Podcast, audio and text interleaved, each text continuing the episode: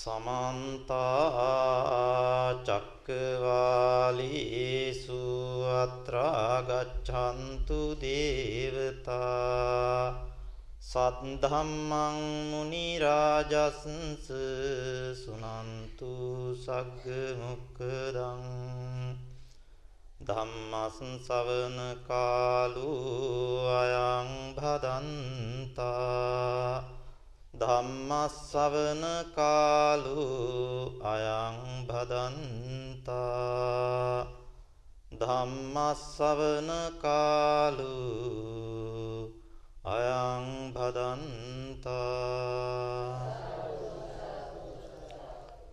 නමෝ තස්ස භගවතු අරහතු සම්මා සම්බුද්දස්ස. නමෝ තස්ස භගවතු අරහතු සම්මා සම්බුද්දස්ස. නමෝ තස්ස භගවතු අරහතු සම්මා සම්බුද්දස්ස. තත්ත කතමෝ විරිය සම්බුද්ධංගෝ යෝ චේතසිකෝ විරියාරම්භෝ නික්කමෝ පරක්කමෝ උయ్యాමෝ වායාමෝ උස්සාහෝ උස්සෝල්හි තාමෝ දිති අසිතිල පරක්කමෝ අනික්කිත්ත චන්දතා අනික්කිත්ත දුරතා දුර සම්පග්ගාහෝ විරියං විරිඉන්ද්‍රියං විරිය බලං සම්මප්පදානෝ මග්ගංගං මග්ග පරියාපන්නං අයං උච්චති විරිය සම්බුද්ධංගෝති ශ්‍රද්ධාවන්ත පින්නතුනි තුන් ලෝකාග්‍ර වූ භාග්‍යවත් අරිහත් සම්්‍යක් සම්බුද්ධ දසබලධාරී සර්වඥ සම්මා සම්බුදුරජාණන් වහන්සේගේ ශ්‍රීමුක පද්මයෙන් දේශනා කරන්ට යෙදුණු අතිගාම්භීර අභිධර්ම පිටකයේ විභංග ප්‍රකරණයේ බොජ්ජංග විභංගයේ විරිය සම්බොජ්ජංගයේ පිළිබඳව සඳහන් වන සූත්‍ර පාඨයක් අද අපි මේ පිළිවෙලකට පවත්වාගෙන යන බොජ්ජංග ධර්මදේශනා මාලාවේ විරිය සම්බොජ්ජංගයේ ආරමුණු කරගෙන දේශනා කරන්ට මාතෘකා ස්ථානෙහි ප්‍රකාශයටපත් කරන්ට යෙදුනේ. විභංග ප්‍රකරණයේ එකිනෙක විභංගයන් පැහැදිලි කරන ප්‍රධාන ක්‍රම තුනක් තියෙනවා. සූත්‍රාන්ත භාජනීය අභිධර්ම භාජනීය පඤ්හ පුච්චක කියලා. මෙතනින් සූත්‍රාන්ත භාජනීය කියන කොටසේදී ධර්ම කොටස් විභංග ප්‍රකරණේ පැහැදිලි කරන්නේ සූත්‍රාන්ත පිටකයේ ඒ ඒ ධර්ම කොටාශයන් විග්‍රහ කෙරෙන ආකාරය ඊටාම සංක්ෂිප්තව අපට පැහැදිලි කරනවා බුදුරජාණන් වහන්සේ. මීළඟට අභිධර්ම භාජනීය කියලා නැවත වාරයක් ඒ එකිනෙක ධර්ම කොටාශයන් නිර්වශේෂයෙන් ප්‍රකාශයට පත් කරමින් අභිධර්ම ක්‍රමයට විශ්ලේෂණය කරනවා. මීළඟට පඤ්ඤ පුච්චක කියලා තුන්වෙනි කොටසකින් මේ හැම ධර්ම කොටාසයක් පිළිබඳවම නිර්වශේෂයෙන් ඉතිරියක් නැතිව හැම කොටසක්ම ආවරණය වෙන විදිහට ප්‍රශ්නවලට පිළිතුරු විදිහටත් බුදුරජාණන් වහන්සේ ධර්ම කොටාසයන් බෙද බෙදා දක්වනවා. මෙන්න මේ විදිහට තියෙන මේ තුන් ආකාරයන්ගෙන් අපි සති සම්බුද්ධංගය ධම්ම විචේ සම්බුද්ධංගය කියන මේ දෙක පැහැදිලි කරන්ඩ මාත්‍රිකා කරන්ට යෙදුනේ සූත්‍රාන්ත භාජනීයේ එන ඒ ඒ විභංග ඒ ඒ බොජ්ජංග ධර්මයන් පැහැදිලි කරපු සූත්‍ර පාඨයන්. නමුත් අද අපි විරිය සම්බොජ්ජංගයේ පිළිබඳව ඊට වඩා සූත්‍රාන්ත භාජනීයේ එන විග්‍රහයට වඩා අභිධර්ම ක්‍රමයට කරන තවත් විග්‍රහයන් එකතු වෙලා තියෙන අභිධර්ම භාජනීයේ තියෙන අභිධර්ම භාජනීයේ තියෙන සූත්‍ර පාඨයක් තමයි මාතෘකා කරන්න තියෙන්නේ. ඒ අනුව විභංග ප්‍රකරණයේ බොජ්ජංග විභංගයේ අභිධම්ම භාජනීය කොටසේ විරිය සම්බුද්ධංගය පැහැදිලි කරන සූත්‍ර පාඨය තමයි අපි මාතෘකා ස්ථානයේ ප්‍රකාශ කරන්නට යෙදුනේ. මේ සූත්‍ර පාඨයෙන් බුදුරජාණන් වහන්සේ විරිය සම්බොජ්ජංගය කියන්නේ මොකක්ද කියලා අපිට පැහැදිලි කරලා දෙනවා. දැන් මම මේ පින්නතුන්ට බොජ්ජංග කියන්නේ මොනවද කියන කාරණේ අපි කලින් පැහැදිලි කරපු නිසා නැවත නැවතත් පැහැදිලි කරන්න බලාපොරොත්තු වෙන්නේ නැහැ. නිවනට චතුරාර්ය සත්‍ය ධර්ම අවබෝධයට උපකාර වශයෙන් පවතින ඒ චතුරාර්ය සත්‍ය ධර්ම අවබෝධ සංඛ්‍යාත බෝධියට අංගයක් වන නිසා බොජ්ජංග කියලා කියනවා. ඒ බොජ්ජංග අතරේ විරිය සම්බොජ්ජංගය කියලා කියන්නේ මේ වීරිය යම් ආකාරයකින් මාර්ග මාර්ගඥාන ප්‍රතිලාභයේ පිණිස අංගයක් වෙනවද අන්නේ මාර්ගඥාන ප්‍රතිලාභයේ පිණිස අංගයක් බවට පත්වන වීරිය කියන එක තමයි විරිය සම්බොජ්ජංගය කියන එකේදී පැහැදිලි කරන්නේ. එතකොට මාත්‍රකා ස්ථානයේ ප්‍රකාශ කරනු මේ සූත්‍ර පාඨයෙන් බුදුරජාණන් වහන්සේ අපිට විරිය සම්බොජ්ජංගය කියන එක පද ගණනාවකින් පැහැදිලි කරනවා. මේක බුදුරජාණන් වහන්සේගේ එක්තරා දේශනා විලාසයක්. විශේෂයෙන්ම අභිධර්ම පිටකයේ ධර්ම කරුණු කාරණා පැහැදිලි කරද්දී බුදුරජාණන් වහන්සේ එකම ධර්ම කොටාසේ පැහැදිලි කරන්න වචන පද සමාන පද පරියාය වචන විශාල ප්‍රමාණයක් පාවිච්චි කරනවා. දැන් සමහර වෙලාවට වර්තමානයේ සමහර කෙනෙක් කියන මේ අභිධර්මය කියන එක නිවන් දකින්න අවශ්‍ය වෙන්නේ නැති දේශනාවක් කියලා. නමුත් පින්නතුනි බුදුරජාණන් වහන්සේ සූත්‍රාන්ත පිටකයේ කරුණාකාරණා දේශනා කරන්නේ ඒ ඒ අවස්ථාවේදී ධර්ම ශ්‍රවණය කරන්න ඉන්න පුද්ගලයන්ගේ නිවන් දැකීම සඳහා තියෙන හේතු සම්පත් සලකලා බලලා ඒ ඒ අවස්ථාවේදී නිවන් දැකීම සඳහා තියෙන හේතු සම්පත් අනුව තමයි බුදුරජාණන් වහන්සේ සූත්‍රාන්ත දේශනාවලදී දේශනා කරන්නේ. ඒ දේශනාව හැම කෙනෙකුටම උපකාර වෙනවා තමයි. නමුත් බුදුරජාණන් වහන්සේ ඒ ඒ අවස්ථාවලදී කරන දේශනාව ඒ ඒ අවස්ථාවලදී ධර්ම දේශනා කරපු අයට තමයි වඩාත්ම උපකාර වෙන්නේ.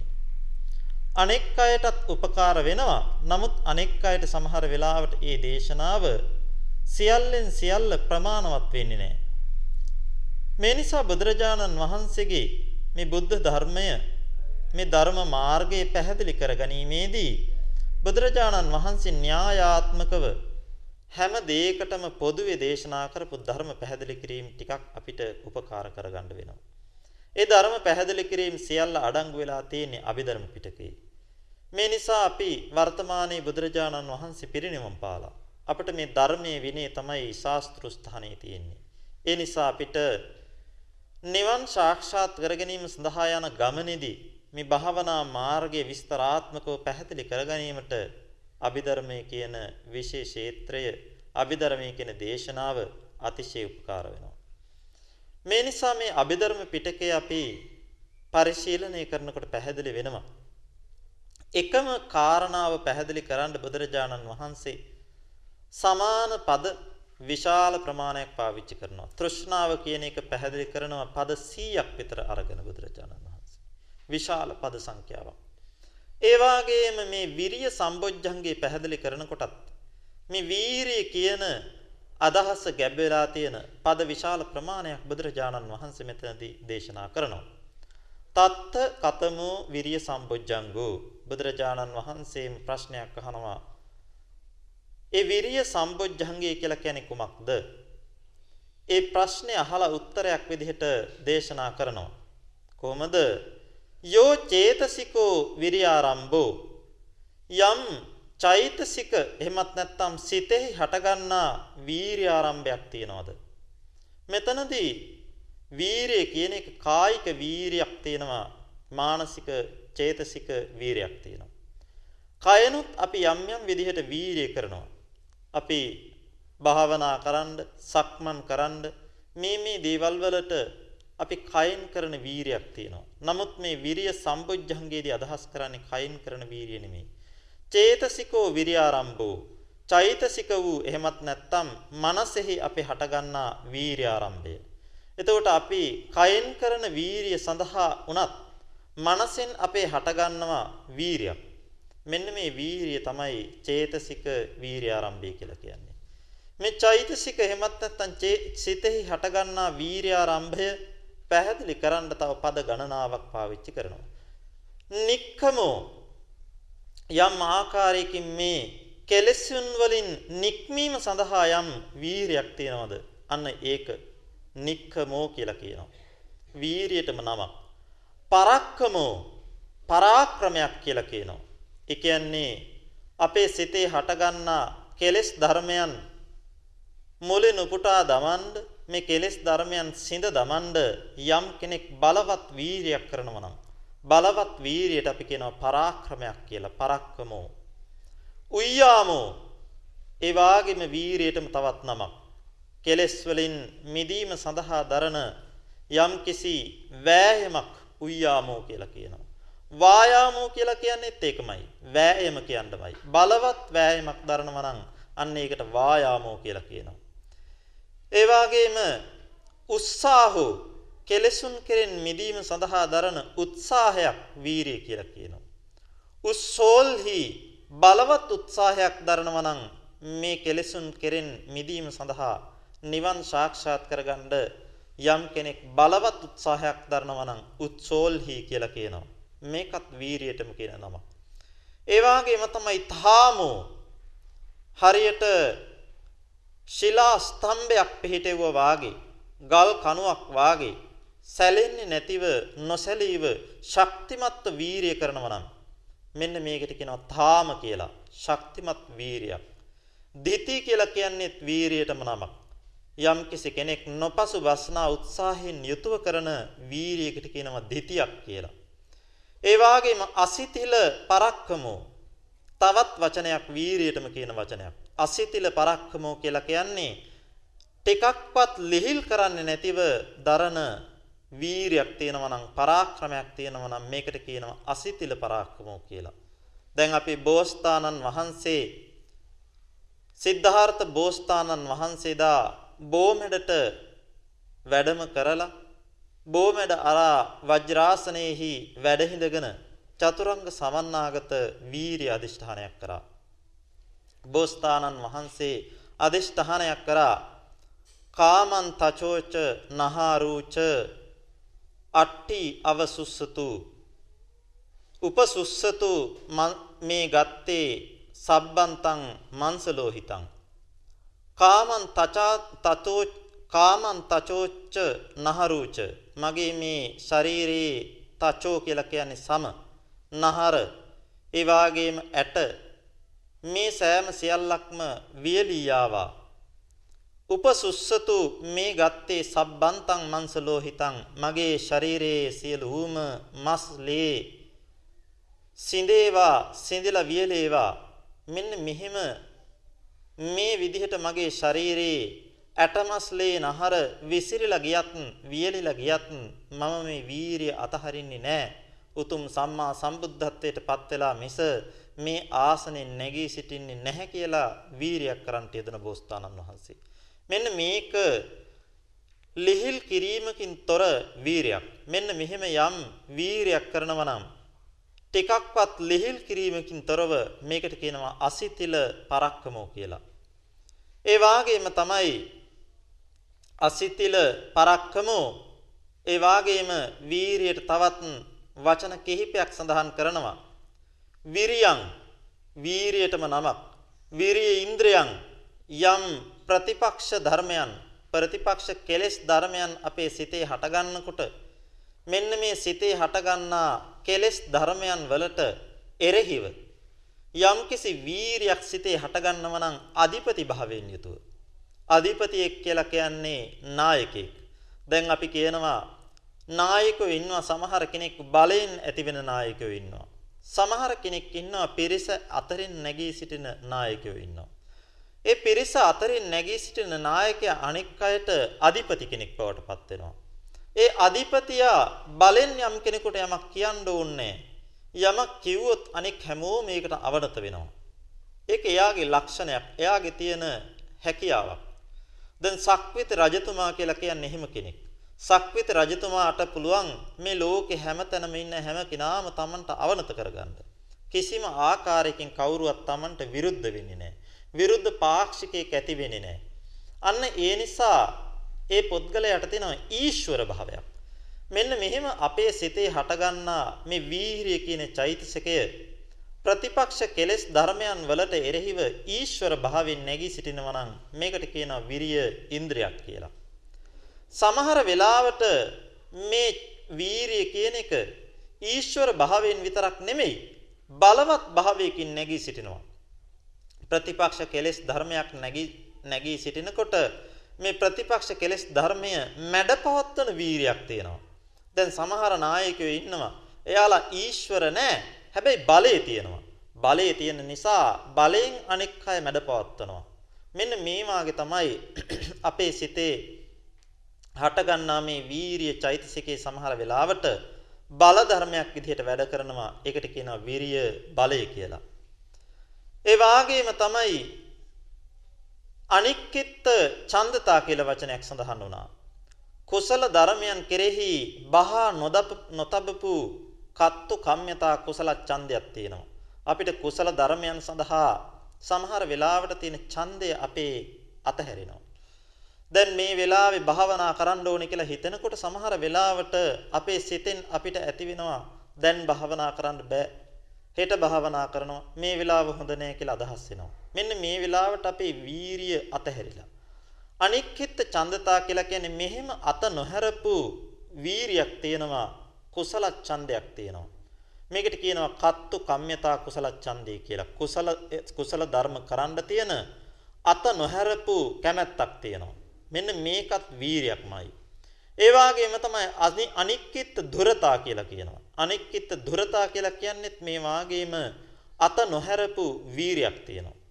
ඒ වාගේම තමයි දුර සම්පග්ගාහෝ මේ වීරියම අපි දැඩිසේ වීරියෙහි එල්බගෙන ඉන්නවා නම් මේකට කියනවා දුර සම්පග්ගාහෝ. ඒ වාගේම තමයි සම්මප්පදානං වීරියටම කියන තවත් නමක්. සම්‍යක් ප්‍රධානී කියලා කියනවා වීරියට.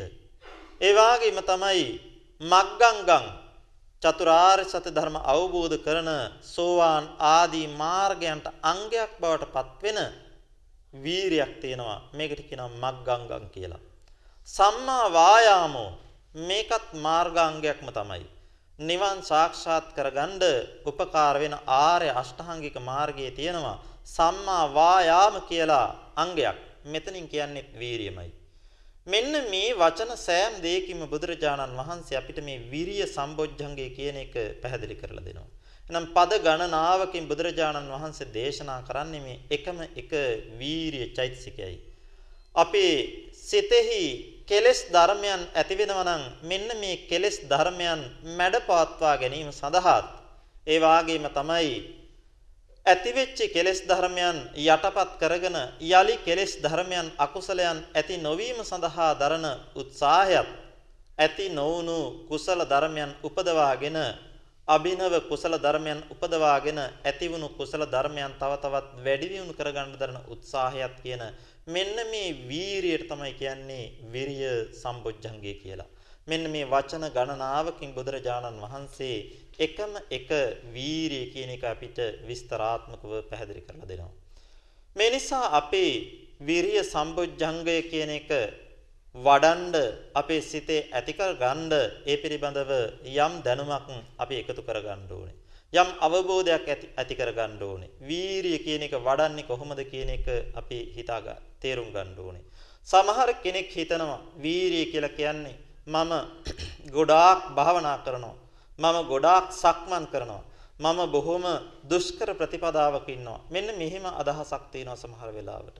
නමුත් එතන විතරක් නෙමෙයි වීරිය තියෙන්නේ. සමහර කෙනෙක් දුෂ්කර ප්‍රතිපදාවක ඉඳගෙන දැඩිසේ භාවනා කරමින් දැඩිසේ නිරන්තරයෙන් සක්මන් කරමින් නිවන් දකින්න උත්සාහ දරනවා. නමුත් Tamange සිතෙහි අකුසල ධර්මයක් හට ගන්නකොට මේ අකුසල ධර්මයේ ප්‍රහාණය කරගන්න වීර්ය කරන්නේ නැහැ. ඒ අකුසල ධර්මයේ දකින්න උත්සාහවත් වෙන්නේ නැහැ. කවුරු හරි කෙනෙක් Tamanට වැරද්දක් පෙන්වලා දෙනකොට මේ වැරද්ද පෙන්ලා දෙන කෙනා කෙරෙහි තරහක් ඇති කරගෙන Tamanගේ වැරද්ද හදාගන්න හිතාගන්නේ නැත්නම් අන්න එයාගේ එයා කෙරෙහි විරිය සම්බොජ්ජංගේ නැහැ. මෙන්න මේ නිසා අපි විරිය සම්බොජ්ජංගේ කියන එක පිළිබඳව අදහස අර්ථය පැහැදිලි කරගන්න ඕනේ. මේ අර්ථය පැහැදිලි කර ගැනීමේදී අපිට වීරිය කොටස් කරන ආකාර කිහිපයක් තියෙනවා. ප්‍රධාන වශයෙන් වීරිය කොටස් දෙකකට බෙදනවා කායික වීරිය, චේතසික වීරිය කියලා. කායික වීරිය කියලා කියන්නේ අපි කයෙන් කරන වීරිය. අපි දැඩිසේ භාවනා කරනවා, භාවනා පරයන්ක කරනවා, සක්මන් කරනවා. මේ ආදී දේවල් කරමින් අපි කයෙන් දරන වීරියක් තියෙනවා. මේකට කියන්නේ අපි කයින් දරන වීරියක් තියෙනවා. මේකට කියන්නේ කායික වීරිය කියලා. මේ කායික වීරිය නෙමෙයි විරිය සම්බොජ්ජංගය කියන තැනදී අපි කතා කරන්නේ. විරිය සම්බොජ්ජංගය කියන තැනදී අපි අදහස් කරගන්නේ චේතසික වීරිය කියන එක. ඒකනේ අර මුලින්ම සඳහන් කරේ යෝ චේතසිකෝ විරිය ආරම්භෝ කියලා. චෛතසික වූ එහෙමත් නැත්නම් සිතෙහි හටගන්නා වූ වීරියක් තියෙනවා. මොකක්ද මේ සිතෙහි හටගන්නා වීරිය? මෙන්න මේක අපි ඒ නිසා තවත් ආකාර කිහිපයකට වර්ග කරමින් ආ තවත් ආකාර කිහිපයකට බෙද බෙදා දක්ව ගන්න ඕනේ පැහැදිලි කර ගන්න ඕනේ. වීරිය කියන එක කොටස් තුනකට බෙදනවා තවත් ආකාරයකදී. දැන් වීරිය කොටස් දෙකකට බෙදුවොත් අපි කායික වීරිය චේතසික වීරිය කියලා කොටස් දෙකකට බෙදන්න පුළුවන්. මේ වීරියම අපි තවත් ආකාර තුනකට බෙදනවා. ආරම්භ ධාතු, නික්කම ධාතු, පරක්කම ධාතු කියලා. මෙන්න මේ වීරියම බෙදෙන ආකාර තුනක්. එතකොට අර අපි කීවා කායික වීරිය ගැන නෙමෙයි අපි කතා කරන්නේ චේතසික වීරිය ගැන තමයි කතා කරන්න කියලා කීවා. ඒ චේතසික වීරිය ගැන කතා කරනකොට අපිට ආකාර තුනකට ඒක හම්බෙනවා. ආරම්භ ධාතු, නික්කම ධාතු, පරක්කම ධාතු කියලා. ආරම්භ ධාතු කියලා කියන්නේ යම් කෙනෙක්ගේ සිතෙහි කෙලෙස් ධර්මයන් හටගන්නවා අයෝනිසෝ මනසිකාරයෙන් කටයුතු කිරීම නිසා. අයෝනිසෝ මනසිකාරය කියන්නේ මොකක්ද කියලා මේ පින්නතුන් දන්නවා. අපි මේ ලෝකයේ තියෙන සියලු ධර්ම ධර්මතාවයන් පිළිබඳව වැරදි විදිහට මනසිකාර පවත්වනවා නම් මේ වැරදි විදිහට පවත්වන මනසිකාරය තමයි කියන්නේ අයෝනිසෝ මනසිකාරය කියලා. යම් විදිහකට අපි සිතෙහි මනසිකාරයක් පවත්වනවා නම් මේ ලෝකයේ තියෙන සියලු දේවල් නිට්ටයයි කියලා මේ ලෝකේ තියෙන සියලු දේවල් සැපයි කියලා. මේ ලෝකේ තියෙන සියලු දේවල් ආත්මයි Tamanට වෙනස් කරගන්න පාලනය කරගන්න ආඥාවට අනුව පවත්වන්න පුළුවන් කියලා හිතනවා නම් මෙන්න මේ හිතීම අයෝනිසෝ මනසිකාරයක්. මේ අයෝනිසෝ මනසිකාරයෙන් අපි කටයුතු කරනකොට අපේ සිතෙහි කෙලෙස් ධර්මයන් හට ගන්නවා. මෙන්න මේ කෙලෙස් ධර්මයන් හට ගැනීම නිසා යම් කෙනෙක් යම් අවස්ථාවකද හිතනවා මම මේ කෙලෙස් ටික මැඩ පවත්වලා නිවන් සාක්ෂාත් කරගත යුතුයි කියලා.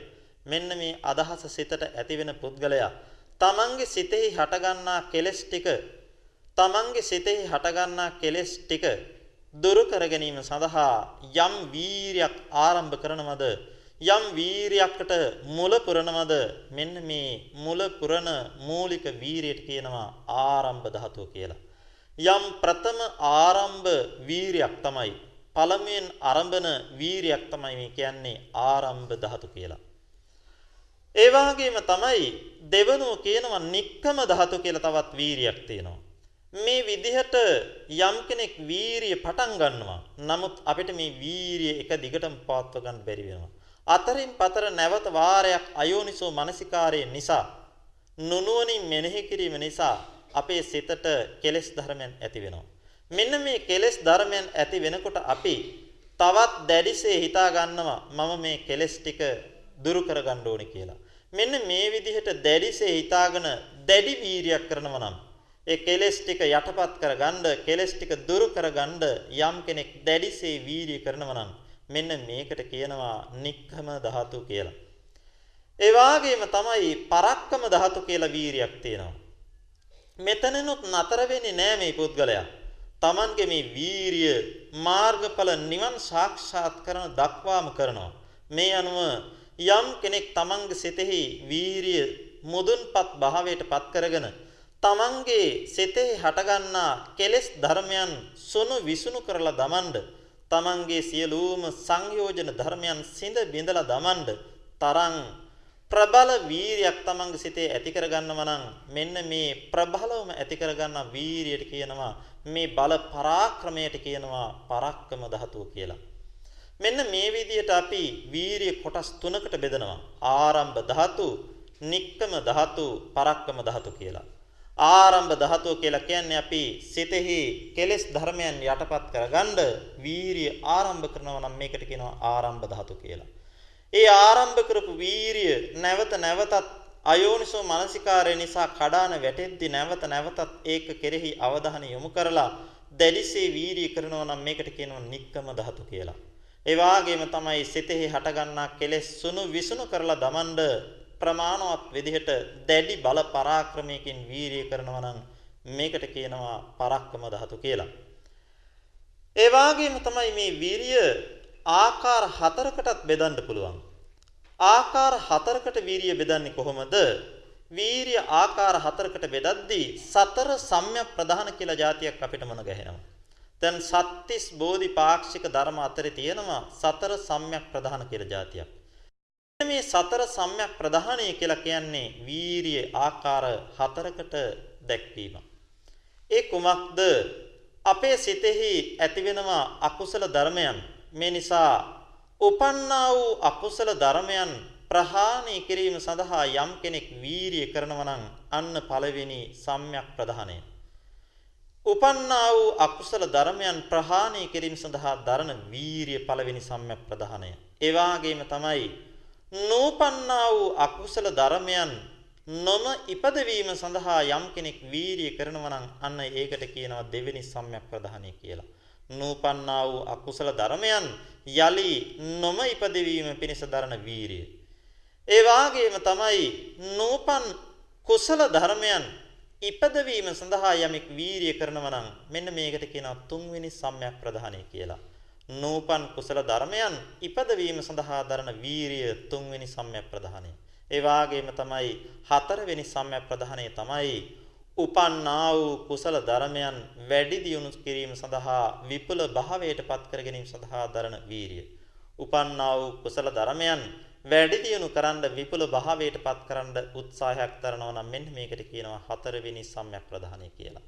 මෙන්න මේ ආකාර හතරකට අපිට වීරියෙන් කරන කටයුත්ත වශයෙන් වීරියෙන් කරන කෘත්‍යයේ වශයෙන් විරිය කොටස් හතරකට බෙදනවා. නූපන් අකුසල ධර්මයන් උපන් අකුසල ධර්මයන් ප්‍රහාණය කිරීම පිණිස වීරිය කිරීම නූපන් අකුසල ධර්මයන් නොම ඉපදවීම සඳහා වීරිය කිරීම උපන් කුසල ධර්මයන් වැඩි දියුණු කර ගැනීම සඳහා වීරිය කිරීම නූපන් කුසල ධර්මයන් ඉපදවීම සඳහා වීරිය කිරීම මෙන්න මේ කියන ආකාර හතරට අපි සිතෙහි වීරිය ඇති කරගන්න ඕනේ. දැන් අපිට සමහර කෙනෙක්ට මම කිව්වා වීරිය කරනවා කියලා අපි කයෙන් වීරිය කරනවා. කායිකව අපි වීරිය කරාට මෙන්න මේ කියන වීරිය අපි ගාව නැහැ. මොකක්ද? සතර සම්‍යක් ප්‍රධානේ නැහැ. සිතට කෙලෙස් ධර්මයක් අකුසල සිතවිල්ලක් එනවා. සමහර කෙනෙක් මේ අකුසල සිතවිල්ලත් එක්ක මේක අභිනන්දනය කරමින් ඉන්නවා. කොහොමද? සමහර කෙනෙක් ලෝභයක් තමන්ගේ සිතේ හටගත්තාම ඒ ලෝභය කියන දේ දුරු කරන්න උත්සාහ දරන්නේ නැතුව මේ ලෝභය කියන එක අභිනන්දනය කරනවා. යම් හිතනද රස කෑමක් හම්බුණා. එහෙම නැත්නම් ඇසට ලස්සන රූපයක් දැක්කා. එහෙම නැත්නම් කනට හොඳ ලස්සන ශබ්දයක් ඇහුණා. මෙන්න මේක අපි රස විඳින්න ඉන්නවා. මේක රස විඳින්මින් මේක අභිනන්දනය කරනවා. මේකේ සතුට වෙනවා. මෙන්න මේ අවස්ථාවේදී අපි කරන්නේ අකුසලයේ ප්‍රහාණය කරන්නේ නැතුව ඉන්න එක. ඒ විතරක් නෙවෙයි ද්වේෂයක් ඇති වෙන කෙනත් මෙහෙම ඉන්නවා. සමහර වෙලාවට කෙනෙක් එක්ක තරහක් ඇති වුනහම බොහෝ වේලාවක් Taman තනියම මේ තරහව රස විඳිනවා. Taman තරහව රස විඳ විඳ ඒ තරහව නැවත නැවතත් මතක් කර කර ඒ පුද්ගලයා කෙරෙහි වෛරය පතුරවමින් ඉන්න අවස්ථාවන් තියෙනවා මිනිස්සු. මේක නැවත නැවත මෙනෙහි කර කර ඉන්න අවස්ථාවන් තියෙනවා. මෙන්න මේකත් අකුසලයේ තමන්ගේ සිතේ හටගත්තාම ඒක දුරු කරන්නේ නැතුව ඉන්න තත්ත්වයක්. මේ නිසා අකුසලයක් සිතේ හටගත්තා නම් මේ අකුසලය අපි දුරු කරන්න වීරිය කරන්න ඕනේ. අකුසලයේ දුරු කරන්න වීරිය කරනවා වාගේම තමයි නැවත නැවතත් අකුසල ඇතිවීම වළක්වන්නත් වීරිය කරන්න ඕනේ. නැවත නැවතත් අපේ සිතෙහි මේ ලෝභ සහගත සිත් ඇති වෙනවා නම්, ද්වේෂ සහගත සිත් ඇති වෙනවා නම් මේ ආදී අකුසල ධර්ම යලිත් මගේ සිතේ නොම උපදීවා කියලා වීරියක් කරනවා නම් මෙන්න මේකත් සම්‍යක් ප්‍රධානයක්. ඒ විතරකුත් නෙවෙයි අකුසලයේ කරන එක වළක්වනවා. ඒ වගේම අකුසලයෙන් වැළකෙනවා විතරක් නෙවෙයි අපේ වීරිය කුසල පක්ෂයටත් තියෙන්න ඕනේ. සමහර කට්ටිය කියනවා අපි පව් කරන්නේ නැහැ ඒ නිසා පින් කරන්නත් අවශ්‍ය නැහැ කියලා කියනවා. මේක මුලා අපි පව් කරන්නේ නැහැ කියලා යම් කෙනෙක් කියනවා නම් ඒක බොහෝම නොදැනුවත්කම නිසා නොතේරුම්කම නිසා කියන කටයු කියන වචනයක්. මොකද අපේ අකුසල ධර්ම සිතෙහි හටගන්නේ ඊටාම සියුම්ව වෙනවා.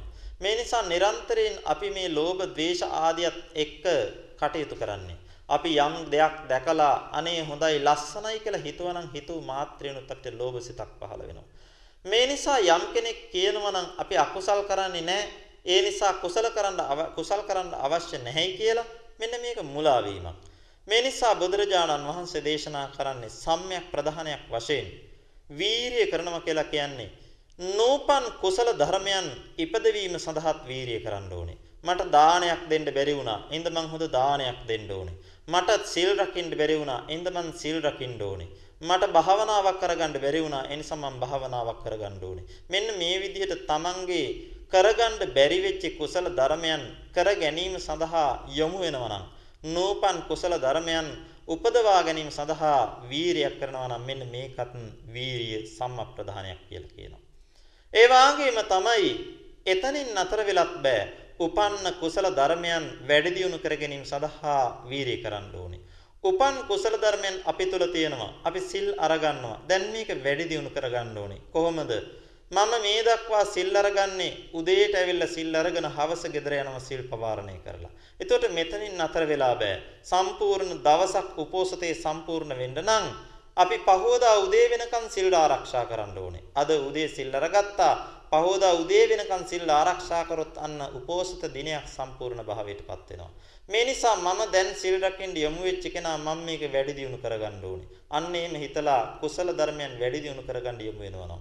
මම භාවනාවක් කරන්න පටන් ගත්තා හැබැයි අකණ්ඩව මට ඒක කරගෙන යන්න බැරි වෙනවා. ඒ නිසා මම දැන් ඒක වැඩි දියුණු කරගන්න ඕනේ. මං හැමදාම උදේ පාන්දරට නැගිටලා පැයක් භාවනා කරන්න යමු වෙන්න ඕනේ. තාම මට පැයක් භාවනා කරන්න බෑ. දැන් මං මේ මට්ටමට වැඩි දියුණු කරගන්න ඕනේ. මෙන්න මේ විදිහට කල්පනා කරලා යම් කෙනෙක් තමන්ගේ සිතෙහි හටගත්තු කුසල ධර්මයන් යලි යලිත් වැඩි දියුණු කරගන්න උත්සාහ දරනවා නම් අන්න ඒකත් සම්‍යක් ප්‍රධානයක් වීරියක් කියලා කියනවා. මෙන්න මේ විදිහට සතර සම්‍ය ප්‍රධාන වශයෙන් අපි වීරිය කොටස් හතරකට බෙදන්න පුළුවන්. තවත් ආකාරයකට අපි වීරිය කොටස් හතරකට බෙදනවා. තවත් වීරිය කොටස් හතරකට බෙදෙන ආකාර බෙදෙන ආකාරයක් තියෙනවා.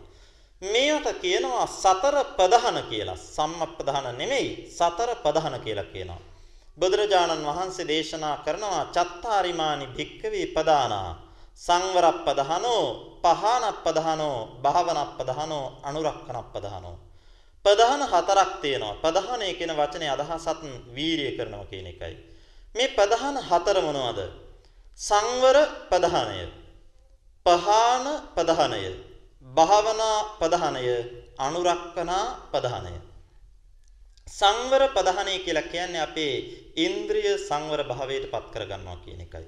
බුදුරජාණන් වහන්සේ දේශනා කරනවනේ චක්කුණා රූපං දිස්වා න නිමිත්තක් ගාහි හෝති නානු ව්‍යංජනක් ගාහි හෝති.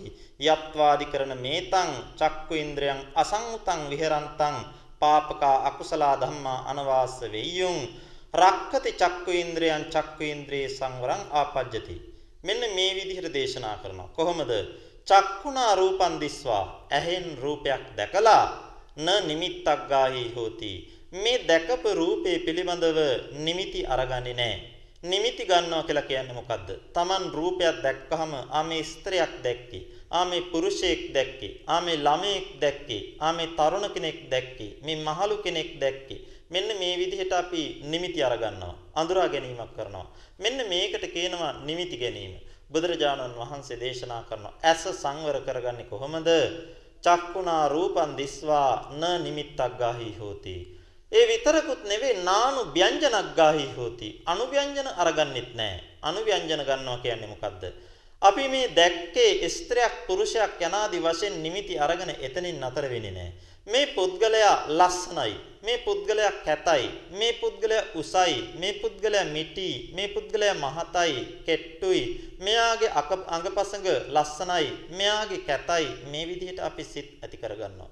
මෙන්න මේ සිත් ඇති කරගන්නවා නම් මේකට කියනවා අනුව්‍යංජන ගන්නවයි කියලා.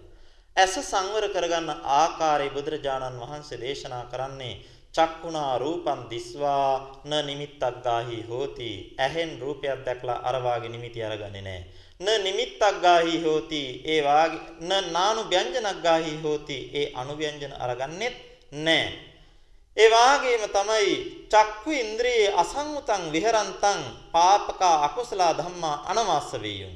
අපි මේ ඇහැ සංවර කරගන්නේ නැතුව ඉන්නවනම් ඇහෙන් අපි දකින රූප කෙරෙහි නිමිති ගන්නවනම් ඇහෙන් දකින රූප කෙරෙහි අනුව්‍යංජන ගන්නවා නම් මෙන්න මේ නිමිති අනුව්‍යංජන ගැනීම තුල අපේ ඇස අසංවර භාවයටපත් වෙනවා. අන්න ඒ ඇස අසංවර භාවයටපත් වුනහම පාපක අකුසල ධම්මා අනවාස්ස වේයුම්. ලාමක අකුසල ධර්ම අපේ චිත්ත સંතාණයට පිවිසෙනවා.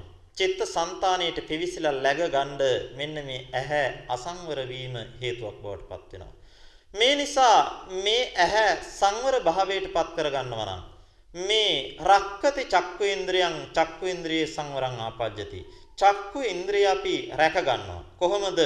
ඇහැට අපිට රූපයක් ආපాతගත වුණාට ඇහැට රූපයක් අරමුණු වුණාට අපි මේ රූපේ සම්බන්ධයෙන් නිමිති ගන්නේ නැතිව අනුව්‍යංජන ගන්නේ නැතිව මේක දැක්කදී දැක්ක විතරයි කියලා එතනින් නතර වෙනවා නම් අන්න ඒ පුද්ගලයා ඇස සංවර භාවයට පත් කරනවා. බුදුරජාණන් වහන්සේ ඉන්ද්‍රිය භාවනාව කියලා දේශනා කරන්නේ මෙන්න මෙහිම යම් කෙනෙක් ඇහැට ලක් වෙන රූපේ කෙරෙහි උපේක්ෂා භාවයට මොහොතින්පත් වෙන්න පුළුවන් නම් ඇසිපිය ගහන හෙළන මාත්‍රයකින් මේ කෙරෙහි ඇතිවෙන මනාප අමනාප මනාප අමනාප ධර්මයන් දුරු කරලා උපේක්ෂාවකට මැදහත් සිතවිල්ලකටපත් වෙන්න පුළුවන් නම් අන්න එයා ඉන්ද්‍රිය සංවර භාවයටපත් කරගත්ත කෙනෙක්. මේ නිසා මේ ඉන්ද්‍රිය සංවරය ඇති කරගන්න අපිට වීරියක් අවශ්‍යයි. දැන් හිතන්න අපිට ලස්සන රූපයක් පේනවා. ලස්සන රූපයක් ඇහැට පේනකොට මේ රූපේ නැවත නැවත බලන් අපිට හිතෙනවා.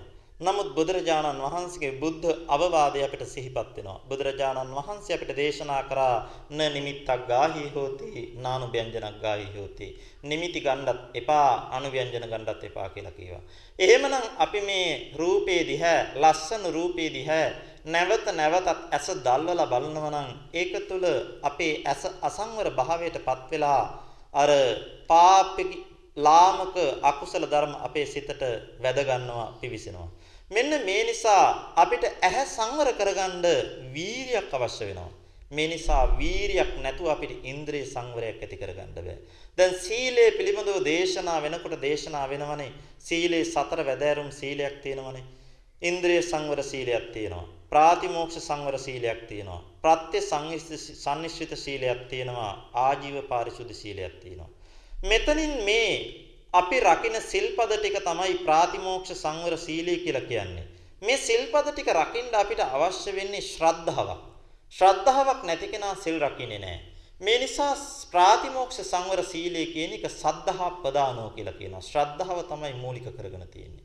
නමුත් අපේ ඉන්ද්‍රිය සංවර සීලය ඇස සංවර කර ගැනීම, කන සංවර කර ගැනීම, නාසය සංවර කර ගැනීම, දිව, කය මෙන්න මේවා සංවර කර ගැනීම කියන ඉන්ද්‍රිය සංවර සීලයේ තියෙන්නේ වීරිය මුල් කරගෙන. යම් කෙනෙකුට වීරිය නැත්නම් පින්නතුනි ඇහැට ලස්සන රූපයක් දැකපු ගමන් බුදුරජාණන් වහන්සේගේ බුද්ධ අවවාදය අමතක වෙලා යනවා. ඒ අය ඒ රූපේ කෙරෙහි ඇලිලා අකුසල ධර්ම ඇති කරගන්නවා. මේ නිසා අන්න යම් වීරියක් තියෙනවා නම් ඉන්ද්‍රිය සංවරයක් බවට පත් කරගන්න ඉන්ද්‍රිය සංවරය සඳහා මූලික වෙන මේ වීරියට කියනවා සංවරක් ප්‍රධාන කියලා. එතකොට අපි කිව්වා වීරිය හතර ආකාරයකට බෙදනවා තවත් හතර ආකාරයකට සංවර ප්‍රධාන පහන ප්‍රධාන භාවනා ප්‍රධාන අනුරක්කන ප්‍රධාන කියලා. මෙතනින් මේ සංවර ප්‍රධාන කියලා කියන්නේ ඉන්ද්‍රිය සංවරය සඳහා පවතින වීරියට. පහන ප්‍රධාන කියලා කියන්නේ බුදුරජාණන් වහන්සේ අපි අර මුලින් දේශනා කරපු මුලින් පැහැදිලි කරපු බුදුරජාණන් වහන්සේ දේශනා කරන සතර සතර සම්‍යක් ප්‍රධාන ටික. මෙන්න මේ සතර සම්‍යක් ප්‍රධාන තුල තියෙන්නේ ප්‍රහාණය කිරීමක්. කොහොමද? Uppannam akusalan dhammam pahanaය චන්දං ජනේති විරියං ආරභති චිත්තං පග්ගන්හාති පදහති අනුප්පන්නානං අකුසලානං ධම්මානං අනුපාදාය චන්දං ජනේති විරියං ආරභති චිත්තං පග්ගන්හාති පදහති uppannānaṁ කුසලානං ධම්මානං බිහියෝ භාවාය චන්දං ජනේති විරියං ආරභති චිත්තං පග්ගන්හාති පදහති අනුප්පන්නානං කුසලානං ධම්මානං උප්පාදාය චන්දං ජනේති විරියං ආරභති චිත්තං පග්ගන්හාති පදහති. මෙන්න මේ විදිහට හතර ආකාරයකට පැහැදිලි කරන්නේ. අපි අර කලින් දේශනා කරපු ටිකම තමයි. කලින් පැහැදිලි කරපු ටිකම තමයි. කොහොමද? අනුප්පන්නානං අකුසලානං ධම්මානං අනුපාදාය නූපන් අකුසල ධර්මයන් නොම ඉපදවීම පිණිස චන්දං ජනේති අන්න කුසල ඡන්දයක් ඇති කරගන්නවා. චන්දං ජනේති විරියං ආරභති වීරියක් ආරම්භ කරනවා. චිත්තම් පග්ගන්හාති සිත දැඩි කරලා ඒ සඳහා යොමු කරගන්නවා. පදහති ඒ සඳහා වීරිය කරනවා. මේ වාගේම තමයි uppannānaං අකුසලානං ධම්මානං පහනාය. අපේ සිතේ හටගත්තු උපන් අකුසල ධර්ම ප්‍රහාණය කරන්නත් අපි වීරිය කරනවා. චන්දං ජනේති විරියං ආරභති යනාදී වශයෙන් දේශනා කරන්නේ. ඒ වාගේම තමයි අනු අනුප්පන්නානං කුසලානං ධම්මානං උප්පාදාය චන්දං ජනේති විරියං ආරභති චිත්තං පග්ගන්හාති පදහති. උපන්න නැති නූපන් කුසල ධර්මයන් යලි ඉපදවීම පිණිස නූපන් කුසල ධර්මයන් නැවත නැවතත් ඇති කර ගැනීම පිණිස වීරිය කරනවා නම් ඒකත් සඳහන් වුණා.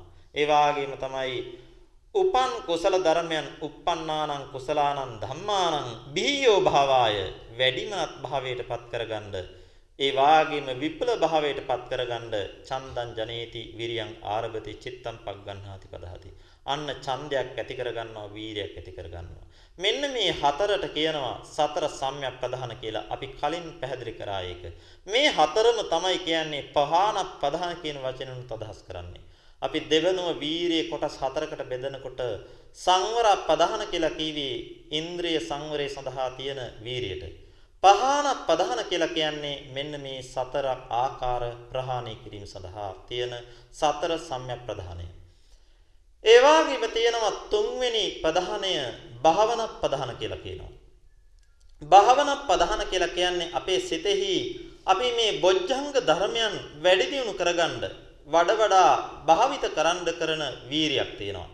අපි කලින් සඳහන් කරා සති සම්බොජ්ජංගය ධම්මවිචේ සම්බොජ්ජංගේ ආදී පැහැදිලි කරනකොට මේ බොජ්ජංගේ භාවනා වශයෙන් වඩන ආකාරය පැහැදිලි කරා. කොහොමද ඉද බික්කවේ භික්ඛු සති සම්බොජ්ජංගං භාවේති විවේක නිස්සිතං විරාග නිස්සිතං වොස්සග්ග පරිණාමින් යනාදී වශයෙන් ඒ වාගේම තමයි ධර්ම විචේ ධම්ම විචේ සම්බොජ්ජංගේ සම්බන්ධනුත් පැහැදිලි කරා ඉද බික්කවේ බික්ඛු ධම්ම විචේ සම්බොජ්ජංගං භාවේති විවේක නිස්සිතං විරාග නිස්සිතං වොස්සග්ග පරිණාමින් මෙන්න මේ විදිහට මේ සියලුම බොජ්ජංග ධර්මයන් යම් භික්ෂුවක් යම් යෝගාවචරයෙක් වඩනවා නම් ඒ වඩන්නේ කොහොමද? විවේක නිස්සිතං විවේකයේ අසුර කරගත්තු. විරාග නිස්සිතං විරාගය අසුර කරගත්තු. වොස්සග්ග පරිණාමින් නිවනට යොමු වෙච්චි. මෙන්න මේ විදිහට බොජ්ජංග ධර්මයන් වඩනවා නම් ඒ බොජ්ජංග ධර්මයන් වඩන්න අපිට තියෙන්න ඕනේ වීරියක්. සති සම්බොජ්ජංගය කියන එක අපිට ඇති කරගන්න වීරියක් අවශ්‍යයි. සතිය කියන එක ඇති වෙන්නේ අපේ වීරිය නිසා වෙනමයි. මෙන්න මේ නිසා සති සම්බොජ්ජංගයටත් වීරියක් තියෙනවා. ධම්ම විචේ සම්බොජ්ජංගේ වැඩි දියුණු කරගන්නත් වීරියක් අවශ්‍යයි. එතනටත් තියෙනවා වීරියක්. ඒ වාගේම විරිය සම්බොජ්ජංගේ ඇති කරගන්නත් වීරියක් අවශ්‍යයි. පීති සම්බොජ්ජංගේ පස්සද්ධි සමාධි උපේක්ඛා කියන මේ සියලුම බොජ්ජංග ධර්මයන් අපේ චිත්ත સંතානය තුළ වැඩි දියුණු කර ගැනීම සඳහා අපිට වීරියක් අවශ්‍යයි. මෙන්න මේ විදිහට බොජ්ජංග ධර්මයන් අපේ සිත තුළ වැඩි දියුණු කරගන්න භාවනා භාවයට පත් කරගන්න තියෙන වීරියට කියනවා භාවනා ප්‍රධාන කියලා කියනවා. ඒ වගේම තමයි සතර ආකාර ප්‍රධානය තමයි අනුරක්කන ප්‍රධානය කියලා කියන්නේ. සතරවෙනි ප්‍රධානය අනුරක්කන ප්‍රධානය. අනුරක්කන ප්‍රධානය කියලා කියන්නේ අපේ සිතේ හටගන්නවා යම් සොඳුරු සමාධි නිමිත්තක් හටගන්නවා. යම් යහපත් සමාධි නිමිත්තක් හටගන්නවා. මෙන්න මේ සමාධි නිමිත්ත හට ගැනීම සඳහා මේ සමාධි නිමිත්ත ආරක්ෂා කර ගැනීම සඳහා තියෙන වීරියට කියනවා අනුරක්කන ප්‍රධාන කියලා.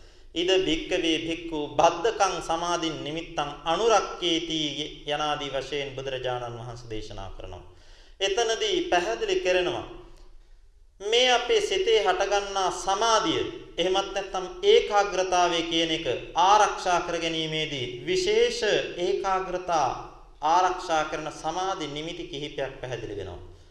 පොළවක සංඥාව, අට්ටික සංඥාව, ඒ වාගේම විනීලක, විපුබ්බක, විච්ඡිද්දක, උද්දුමහතක යනාදී මෙන්න මේ කියන සංඥාවන් අපේ සිතෙහි වැඩි වර්ධනය කරගෙන මේ අසුබ භාවනාවෙන් ඇති කරගත්තු සමාධි නිමිත්ත ආරක්ෂා කරගන්නවා නම් මෙන්න මේ ආරක්ෂා කරගන්න තියෙන වීරියට කියන්නේ මේ අනුරක්කනත් පදහණි කියලා. මෙතනදී අපිට මේක වඩාත් වැදගත් වෙන්න හේතුව තමයි මේ නිමිති පරිහරණය කරනකොට අපේ කෙලෙස් ධර්මයන් ඇති වෙනකොට මේවා යටපත් කරගන්න හරීම පහසුයි. අපේ සිතේ කෙලෙස් ධර්මයන් ඇති වෙනකොට යටපත් කරගන්න මේ අට්ටික සංඥාව වැඩිම අපිට උපකාර වෙනවා. පුලවක සංඥා වැඩිම අපිට උපකාර වෙනවා. විනීලක, විපුබ්බක, විච්ඡෙද්දක, උද්දුමාතක මේ ආදී සංඥාවන් වැඩිම උපකාර වෙනවා. ඉතින් මේවා පිළිබඳව දීර්ඝ විස්තරයක් කරන්න තරම් අපට කාල වේලාවක් නැහැ. නමුත් මේ පින්නතුන්ට පුළුවනි ස්වාමින් වහන්සේලාගෙන් අහලා දැනගෙන පොතපත කියවලා මේ එක එක අසුබ කර්මස්ථානයේ පිළිබඳ අදහසක් ඇති කරගන්න. දැන් අට්ටික සංඥාව කියලා කියන්නේ මේ ඇටකටුවක් අරමුණු කරගෙන අපේ සිත සමාධිමත් කරගන්නවා. අපේ සමස්ත මේ ශරීරයේම තියෙන ඇටකටු ටික ඇට සැකිල්ල කෙරෙහි අපේ අවධානය යොමු කරගන්න පුළුවන්.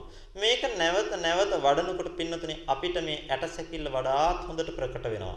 අපි දන්න සමහර ස්වාමින් වහන්සේලාත් ඉන්නවා. ඒ ස්වාමින් වහන්සේලාට මේ ඕනෙම කෙනෙක් දිහා බැලලා අට්ටික සංඥාව ටික වේලාවක් මෙනෙහි කරනකොට ඒ ඇට සැකිල්ල ප්‍රකට වෙලා එනවා. ඊට පස්සේ පුද්ගලයෙක් පේන්නේ ඇටසැකිල්ලක් තමයි පේන්නේ. එතකොට අන්න තමන්ගේ සිතෙහි ඇතිවෙන කෙලෙස් ධර්මයන් තියෙනවා නම් මේවා යටපත් කරගන්න හරි පහසුයි. මෙන්න මේ විදිහට මේ නිසා අපිට නිරන්තරයෙන් උපකාර වෙන ඒ වාගේ සමාධි නිමිත්තක් ඇති වුණා නම් මේ නිමිත්ත රැක ගැනීම සඳහා දරන වීරියට කියනවා අනුරක්කන ප්‍රධාන කියලා කියනවා. දැන් අපි වීරිය කියන විරිය සම්බොජ්ජංගය අපි කොටස් කරා ආකාර තුනකට. දෙවැදෑරුම් වීරියක් අපි කතා කරා කායික වීරිය චේතසික වීරිය කියලා. තුන්වැදෑරුම් වීරියක් අපි කතා කරා ආරම්භ ධාතු, නික්කම ධාතු, පරක්කම ධාතු කියලා.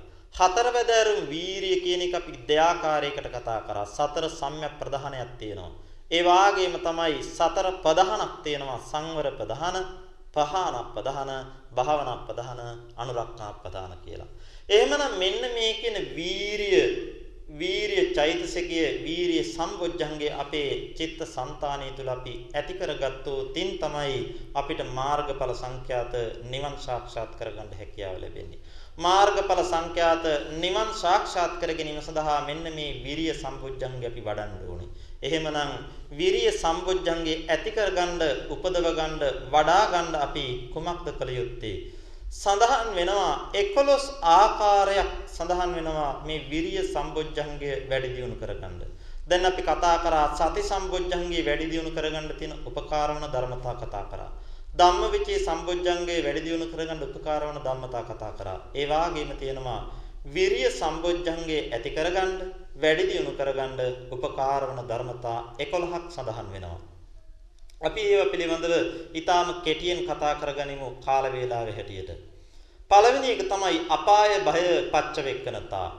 අපාය භය අපි මෙනෙහි කරන්න ඕනේ. සතර අපායේ තියෙන භය දකින්න ඕනේ. සතර අපාය කියලා කියන්නේ මේ තිරිසන් අපාය, പ്രേත අපාය, අසුර අපාය, නරකය කියන මෙන්න මේ හතර. මෙතනදී අපිට තිරිසන් අපාය කියන එක ප්‍රකටයි. අපි දකින තිරිසන් සතුන් විඳින දුක අපි දකිනවා. මේ නිසා අපිත් මරණින් මත්තේ මේ වාගේ තිරිසන් සතුන් වෙලා උපදින්න පුළුවන්. මේ වාගේ තිරිසන් සතුන් වෙලා උපදලා අපි සතර අපායට වැටිලා අනේක ප්‍රකාර දුක් විඳින්න පුළුවන්. මෙන්න මේ නිසා මේ අපාය බය මෙනෙහි කරගන්න ඕනේ. ඒ වාගේම තමයි പ്രേත අපායක් තියෙනවා. අපිට ඇසට පෙනෙන්නේ නැහැ. අසුර අපායක් තියෙන අපිට ඇසට පෙනෙන්නේ නැහැ. ඒ තමයි නරකයක් තියෙනවා. නමුත් මේවා ඇසට පෙනෙන්නේ නැති වුණාට නැහැ කියලා හිතන්න නරකයි. මොකද අපිට තියෙන හැම දෙයක්ම අපේ ඇසට පෙනෙන්නේ නැහැ. ඇසට ගෝචර වෙන්නේ නැහැ. ඇසට ගෝචර වෙන්නේ නැති බොහොමයක් තියෙනවා. අපිට ඊටාම සුළු ප්‍රමාණයක් තමයි ඇසට පෙනෙන්නේ. මේ නිසා පොතපත ඇසුරෙන් බුදුරජාණන් වහන්සේගේ බුද්ධ දේශනාව නැසුරෙන් අපිට මේ සතර අපායන් පිළිබඳව කරුණු කාරණා මුණ ගැහෙනවා. මේ නිසා මේ කරුණු කාරණා ඔස්සේ සතර අපායන් පිළිබඳ මෙනෙහි කරලා අපායට වැටුනොත් Tamanට අත්වෙන්න තියෙන දුක්ඛිත ඉරණම සලකලා අපාය භය නැවත නැවතත් මෙනෙහි කරගන්න ඕනේ. මෙන්න මේකට කියනවා අපාය බය පච්චවෙක්කනතා කියලා. ඒ අපාය භය මෙනෙහි කිරීම තුළ අපිට වීරියක් හටගන්නවා. ඒ වගේම තමයි වීරිය ඇති කරගන්න තවත් කළ යුතු දෙයක් තමයි ආනිසංස දස්සීතා කියන එක. ආනිසංස දස්සීතා කියලා කියන්නේ අපි මේ වීරිය වැඩිීමේ ආනිසංසය සිහිපත් කරන්න ඕනේ. බුදුරජාණන් වහන්සේ දේශනා කරන්නේ මේ මාර්ගඵල සංඛ්‍යාත නිවන් සාක්ෂාත් කරගන්න වීරිය කියන එක අවශ්‍යයි කියලා. මාර්ගඵල සංඛ්‍යාත නිවන් සාක්ෂාත් කරගන්න විතරක් නෙමෙයි එදිනෙදා ලෞකික ජීවිතයේ අපේ සාර්ථකත්වයේ පිණිසත් එක්තරා ආකාරයකට වීරිය අවශ්‍යයි. මෙන්න මේ නිසා වීරියවන්ත වීමේ වීරිය ආරම්භ කිරීමේ තියෙන ආනිසංශය මෙතනින් ලැබෙන සැප විපාකයේ පිළිබඳ නිරන්තරයෙන් මෙනෙහි කරලා ආනිසංශ සිහිපත් කරන්න ඕනේ. මේකට කියනවා ආනිසංශ දස්සීතා කියලා. ඒ වගේම තමයි තුන්වෙනි ආකාරය තමයි ගමන වීති පච්ච වෙක්කනතා කියලා කියනවා. ඒ කියන්නේ බුදුරජාණන් වහන්සේලා පසේ බුදුරජාණන් වහන්සේලා මහරහතන් වහන්සේලා නිවන් සාක්ෂාත් කරගත්තේ යම් මාර්ගයකද යම් ගමනකද මෙන්න මේ මාර්ගය අපි සිහිපත් කරගන්න ඕනේ. බුදු පසේ බුදු මහරහතන් වහන්සේලා නිවන් සාක්ෂාත් කර ගැනීම සඳහා යම් තාක් වීරියකින් කටයුතු කරාද? මෙන්න මේ වීරිය උන්වහන්සේලාට මගඵල නිවන් සාක්ෂාත් කරගන්න හේතු වුණා. මෙන්න මේ නිසා අපටත් මේ මගඵල නිවන් සාක්ෂාත් කරගන්න ඒ බුදුපසේ බුදුමහරහතන් වහන්සේලා ගමන් කළ මාර්ගයයි උපකාර වෙන්නේ කියලා කල්පනා කරලා ඒ මාර්ගයේ මෙනෙහි කරනවා නම් ඒ උන්වහන්සේලා කරන ලද වීරිය අපි මානසිකාර කරනවා නම් මෙන්න මේකට කියනවා ගමන වීති පච්චවෙක්කනතා කියලා. ඒ වගේම තමයි වීරිය ඇති කරගන්න තවත් තියෙන ක්‍රමයකට කියනවා පිණ්ඩපාත අපචායනතා කියලා. පිණ්ඩපාත අපචායනතා කියලා කියන්නේ මේ ස්වාමින් වහන්සේලා තමයි බුදුරජාණන් වහන්සේ මේක දේශනා කරන්නේ. ස්වාමින් වහන්සේලාට පුළුවන් ගමට පිණ්ඩපාත යන්න. ගමට පිණ්ඩපාතේ ගියාම අපේ දායකයන්ට දන් බෙදන අයට වෙනදා සේනාසනයට ඇවිල්ලා ලොකු දානයක් දෙන්න බැරි පුංචි කෙනාටත් දුප්පත් කෙනාටත් බත් හැන්දක් බෙදලා පිනක් කරගන්න පුළුවන්.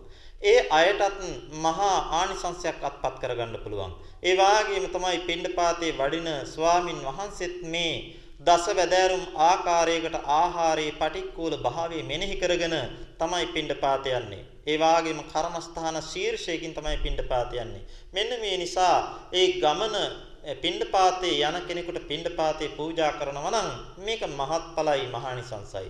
මේ නිසා දායකයන්ට මහත්ඵල මහානිසංස භාවයේ සලකලා යම් භික්ෂුවක් පිණ්ඩපාතේ වඩිනවා නම් මෙන්න මේකට කියනවා පිණ්ඩපාත අපචායනතා කියලා. ඒ විදිහට පිණ්ඩපාතේ වැඩියහම Taman දකිනවා ගමේ ගෙදර ඒ වාගේම ගෙදර දොරේ ගම්වල තියෙන දුක්ඛිත తත්වය මිනිසුන් විඳින දුක්ඛිත తත්වයන් Taman සියසින් දකිනවා.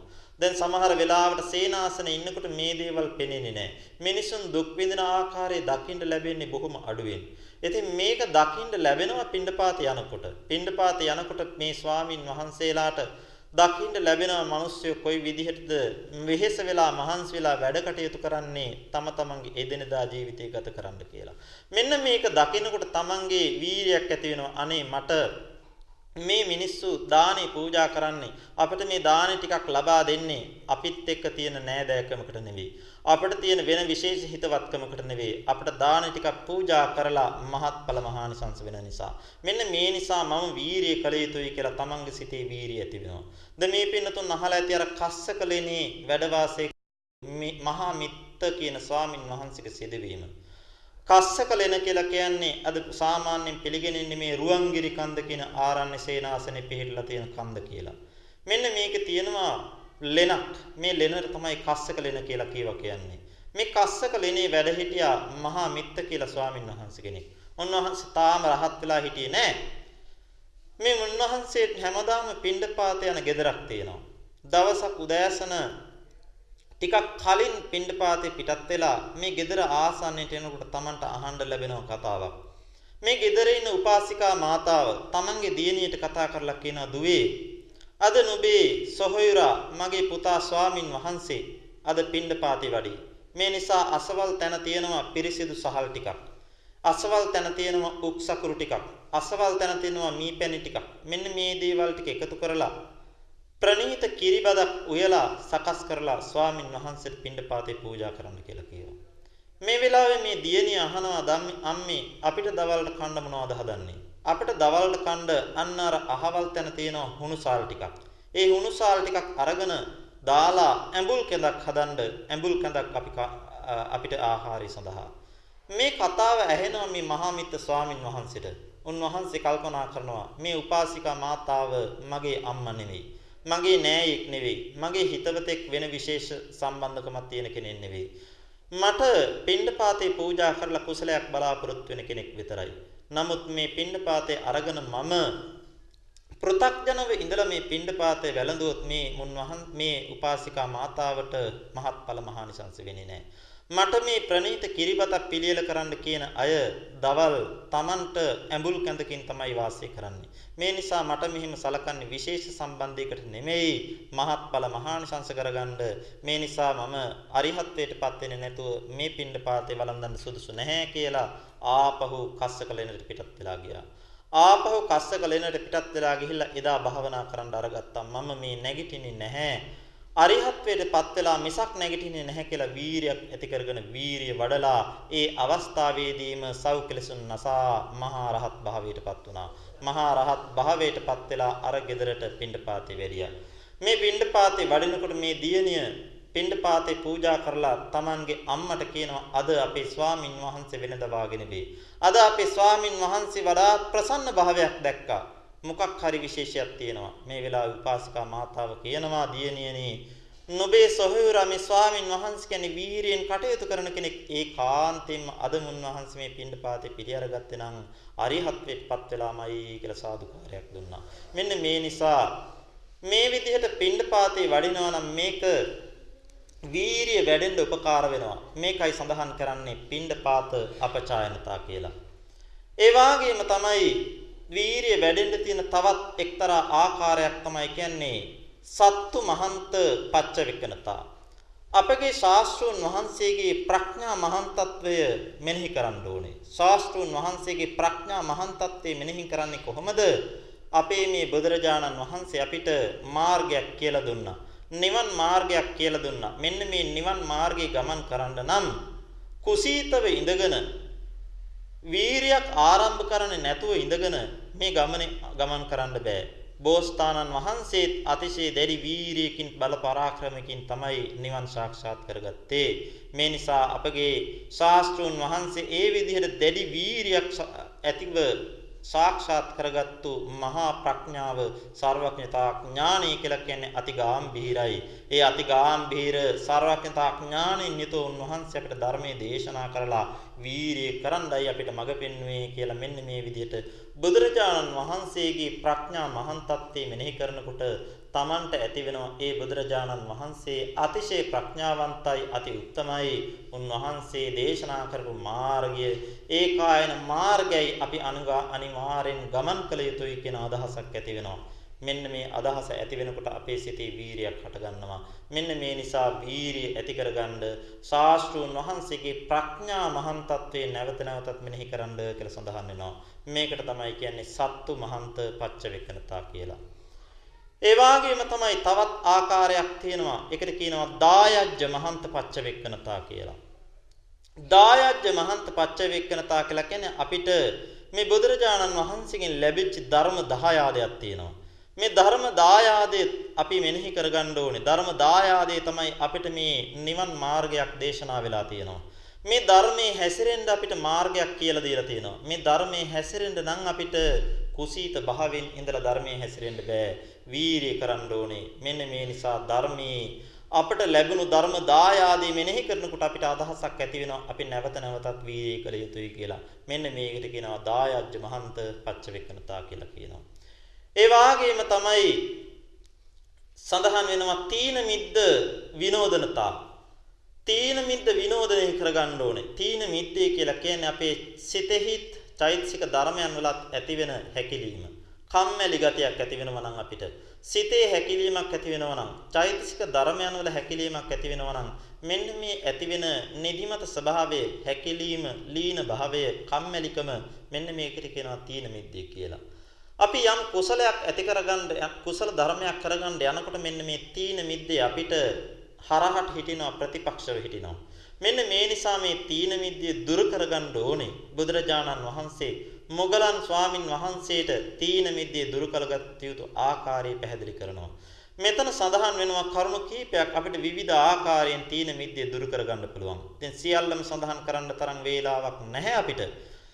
සඳහන් වෙන්නේ අපි යම් ආකාරයක තීන මිද්දයක් කම්මැලිකමක් නිදිමත ගතයක් ඇති වෙනවා නම් ආලෝක සංඥාවන් මෙනෙහි කරන්න කියලා කියනවා.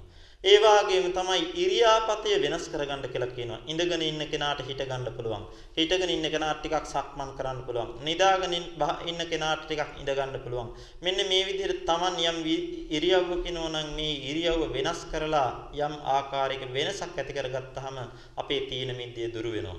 ඒ වාගේ විවිධ උපක්‍රම පාවිච්චි කරලා තීන මිද්දේ දුරු කරගන්නවා නම් මෙන්න මේ තීන මිද්දේ දුරු කර ගැනීම වීරිය සම්බොජ්ජංගේ වැඩෙන්න හේතුවක් වෙනවා කියලා සඳහන් වෙනවා. ඒ වාගේම තමයි වීරිය සම්බොජ්ජංගේ වැඩෙන්න තවත් උපකාර වෙන තවත් එක් දෙයක් තමයි කියන්නේ කුසීත පුද්ගල පරිවර්ජනතා. සමහර පුද්ගලෝ ඉන්නවා බොහොම කම්මැලි කුසීතයි කිසිම වීරියක් නැහැ. මේ අය නැවත නැවත අපි ඇසුරු කරනවා නම් අපේ සිතත් කුසීත භාවයටපත් වෙනවා. අපිටත් විවිධ ආකාරයෙන් කම්මැලි භාවය ඇති වෙනවා. වීර්ය අතහැරෙනවා. මේ නිසා කුසීත පුද්ගලයන් පුද්ගලයන් ඇසුරු කරන එකෙන් වැළකෙන එක වීර්ය වැඩෙන්න හේතුවක් වෙනවා. ඒ වාගේම තමයි ආරද්ධ විරිය පුද්ගල සේවනතා. ඇරඹපු වීරිය ඇති පුද්ගලයන් අපි ඇසුරු කරන්න ඕනේ. ඇරඹු වීරියන් ඇති පුද්ගලයන් ඇසුරු කිරීමත් අපේ වීරිය වැඩෙන්න හේතුවක් වෙනවා. ඒ වාගේම තමයි සම්මත් ප්‍රධාන පච්ච වෙක්කනතා. සම්‍යක් ප්‍රධානය කියලා කියන්නේ අපි සඳහන් කරා සතර සම්‍යක් ප්‍රධානයක් තියෙනවා. මේකත් වීරියක්ම තමයි. මෙන්න මේ සතර සම්‍යක් ප්‍රධානය කියන එක අපි නැවත නැවතත් මෙනෙහි කරගන්න ඕනේ. නැවත නැවතත් ප්‍රත්‍යවේක්ෂා කරන්න ඕනේ. අපේ සිතෙහි නූපන් අකුසල් ඉපදවීම වළක්වා ගන්න එක අපේ සිතෙහි උපන් අකුසල් මැඩපවත්වා ගන්න එක අපේ සිතේ නූපන් කුසල් උපදවා ගන්න එක අපේ සිතේ උපන් කුසල කුසල ධර්මයන් වැඩි දියුණු කරන එක කියන මෙන්න මේ සම්‍යක් ප්‍රධානය අපි නැවත නැවතත් මෙනෙහි කරලා මේකේ තියෙන අවශ්‍යතාවය මෙනෙහි කරලා නිවන් දකින්න මෙහි තියෙන උවමනාව මෙනෙහි කරලා මේ නැවත නැවතත් සම්‍යක් ප්‍රධානය කියන එක මෙනෙහි කරගන්නවා නම් මෙන්න මේකත් අපේ වීරිය වැඩෙන්න හේතු වෙනවා. ඒ වාගේම තමයි අවසාන වශයෙන් වීරිය සම්බොජ්ජංගේ වැඩෙන්න සෑම සිළු සම්බොජ්ජංග ධර්මයන් වලම කතා කරන අවසාන අංගය වෙන තදදි මුත්තතාවේ තියෙනවා. මේ කියන්නේ තදදි මුත්තතාවය කියලා කියන්නේ තං අදිමුත්තතා කියන එකයි. අදිමුත්‍ති කියලා කියන්නේ සඳහා දැඩි උවමනාවක් තියෙනවා කියන එකයි. අපේ සිත වීරිය ඇති කර ගැනීම සඳහා විරිය සම්බොජ්ජංගේ වැඩි දියුණු කර ගැනීම සඳහා නැවත නැවතත් යොමු වෙන බවක් සිත ඒ සඳහාම යොමු කරගත්තු බවක් දැඩි උවමනාවක් තියෙනවා නම් මෙන්න මේකට කියනවා තදදි මුතතා කියලා. මෙන්න මේ කියන 11 ආකාරයන්ගෙන් විරිය සම්බොජ්ජංගේ වැඩෙනවා කියලා බුදුරජාණන් වහන්සේ දේශනා කරන්නේ. මේ නිසා වීරිය සම්බොජ්ජංගේ වැඩි දියුණු කරගන්න බලාපොරොත්තු වෙන අය අපාය බය පච්ච වෙක්කනතා ඒ වගේම ආනිසංස දස්සීතා ගමන වීති පච්චවෙක්කනතා පිණ්ඩපාත අපචායනතා සත්තු මහන්ත පච්චවෙක්කනතා දායජ්‍ය මහන්ත පච්චවෙක්කනතා තීන මිද්ද විනෝදනතා කුසීත පුද්ගල පරිවර්ජනතා ආරද්ධ විරිය පුද්ගල සේවනතා සම්මත් ප්‍රධාන පච්චවෙක්කනතා තදදි මුත්තතා කියන මෙන්න මේ 11 ආකාරයෙන් වීරිය සම්පොජ්ජංගී වැඩි දියුණු කර ගැනීම සඳහා එළඹෙන්න ඕනේ. මෙන්න මේ කියන ආකාරයන්ගෙන් කටයුතු කර ගැනීම තුළ අපේ චිත්ත સંතානයේ නූපන් විරිය සම්බොජ්ජංගේ ඇති කරගන්න පුළුවන්. උපන් විරිය සම්බොජ්ජංගේ වැඩි දියුණු භාවයට පත් කරගෙන සියලුම බොජ්ජංග ධර්මයන් මස්තක ප්‍රාප්ත භාවයට පත් කරගෙන සත්‍තිස් බෝධිපාක්ෂික ධර්මයන් මස්තක භාවයට පත් කරගෙන අපේ සිත පෙරපස නැගෙන පුරසද මඩලක් වාගේ අපේ කුසල ධර්මයන් මුලින් මුදුන්පත් බවට පත් කරගෙන සියලු කෙලෙසුන් නසා අපිට උතුම් නිවන් සාක්ෂාත් කරගන්නටත් මාර්ගඵල සංඛ්‍යාත බෝධිය සාක්ෂාත් කරගන්නටත් හේතු වෙනවා කියන එකයි සඳහන් වෙන්නේ. මේ නිසා අපි අදහස ඇති කරගatiya යුතුයි. අපේ සිත තුළ අපේ චිත්ත સંතානයේ තුළ මේ බොජ්ජංග ධර්ම නැවත නැවතත් වැඩි දියුණු කරගත යුතුයි. මේ පිළිබඳව අපේ දැනුම වැඩි දියුණු කරගෙන අපි නිරන්තරයෙන් ඒ සඳහා අවශ්‍ය පිළිවෙත් සම්පූර්ණ කරගෙන අපි සෑම සුළු දිනාටම සියලුම බොජ්ජංග ධර්මයන් සම්පාදනය කරගෙන ඒ බෝධි සංඛ්‍යාත චතුරාර්ය සත්‍ය ධර්ම අවබෝධය කර ගැනීම සඳහාම මේ අද දවසේ අපි මේ ධර්ම ශ්‍රවණ මේ වශයෙන් රසපත් කරගත්තු කුසලයට හේතු වේවා කියලා සෑම සුළු දිනාම ප්‍රාර්ථනා ඇති කරගනිමු. මේ අවස්ථාවේදී අපි පැයකට අධික කාලයක් ධර්ම දේශනා කරන්ට යෙදුනා. සීලයක පිළිපදලා ධර්ම ශ්‍රවණමේ වශයෙන් රැස්පත් කරගත්තු සෑම සිළු කුසල ධර්ම සම්භාර ධර්මයන් අපි අපගේ සම්බුද්ධ ශාසනයත් ආරක්ෂා කරන අල්පේශාක්‍ය මහේශාක්‍ය ආත්ම ආරක්ෂක ලෝකපාලක සෑම සිළු දිව්‍යතා මණ්ඩලයට අනුමෝදන් කරමු අනුමෝදන් වේවා දෙවියෝත් මෙපින් දැකබලා සතුටු වී දිව්‍ය ආශීර්වාද වඩබලාත් වර්ධනය කරගනිත්වා ප්‍රාර්ථනීය බෝධියකින් නිවෙනින් සැනසෙත්වා කියලා ප්‍රාර්ථනා ඇති කරගෙන දෙවියන්ට පින් අනුමෝදන් කරමු. ආකාසට්ඨා ච භුම්මට්ඨා දීවානාග මහිද්దికා පුඤ්ඤන්තං අනුමෝදිත්වා චිරං රක්ඛන්තු ශාසනං. ආකාසට්ඨා ච භුම්මට්ඨා දීවානාග මහිද්దికා පුඤ්ඤන්තං අනුමෝදිත්වා චිරං රක්ඛන්තු දේශනං. ආකාසට්ඨා ච බුම්මට්ඨා දීවානාගා මහිද්దికා පුඤ්ඤන්තං අනුමෝදිත්වා චිරං රක්ඛන්තු මං කරන්ති